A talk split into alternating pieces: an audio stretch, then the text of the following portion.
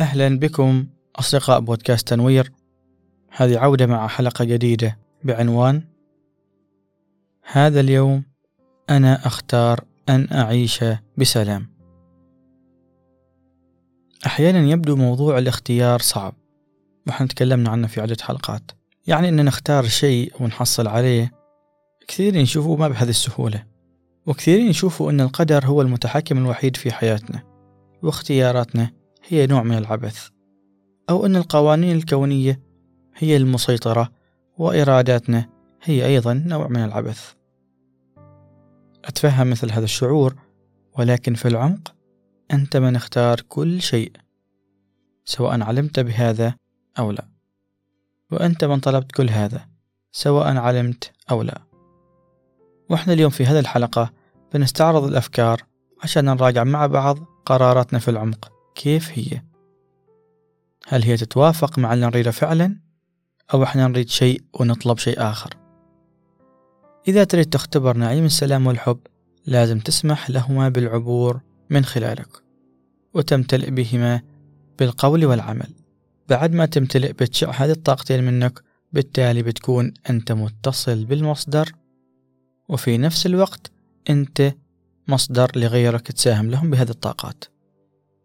وتعالوا نتساءل هل من الممكن تتنمر على إنسان وتأذيه وتكون أنت في ذات الوقت تستقبل السلام والحب؟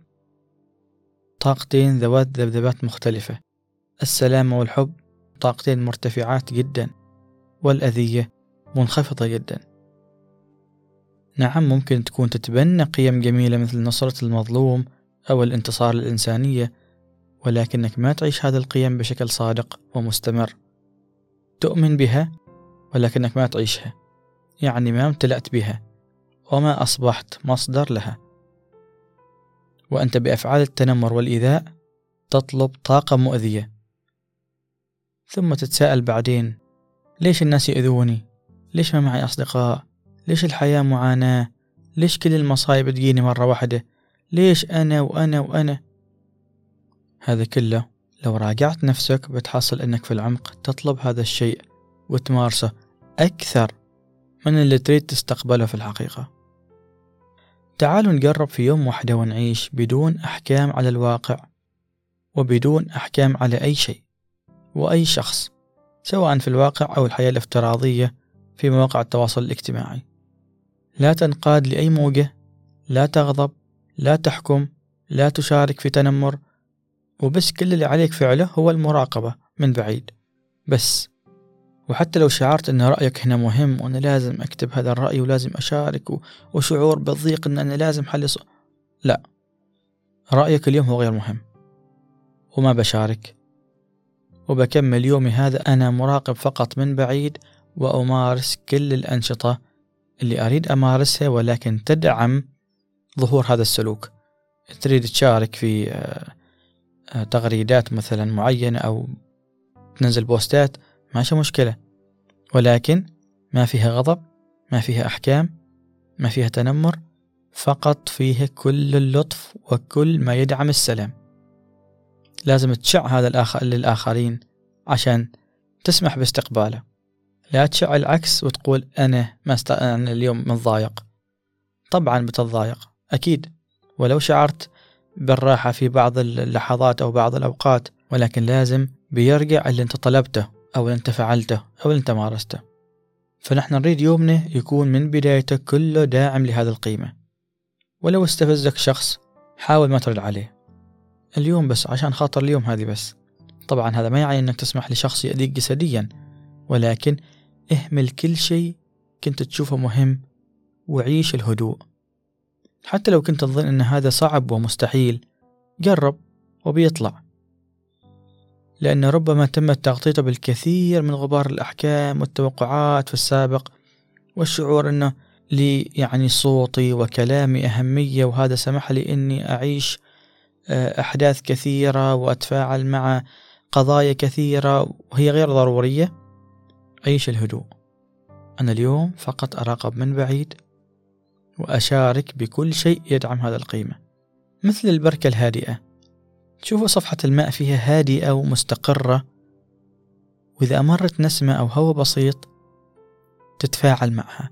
تشوف الموجات والتموجات هذه البسيطة اللطيفة. تتمدد تتمدد وتتوسع وتبتعد.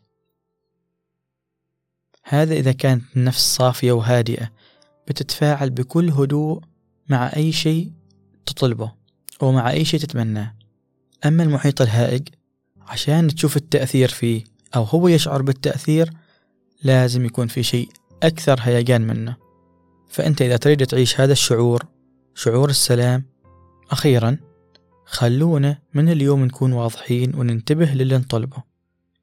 تريد السعادة؟ وتطرد المعاناة؟ ركز في الأعمال والفعاليات اللي تدعم هذا الشيء. خلونا نقرر ونختار الحب ونختار السلام ونتفاعل بكل ذبذبات هذا القيمة وهذا الشعور للآخرين. ومن أفضل الطرق إذا تريد تعيش هذا القيمة أنك تختار تعيش باسم الله السلام.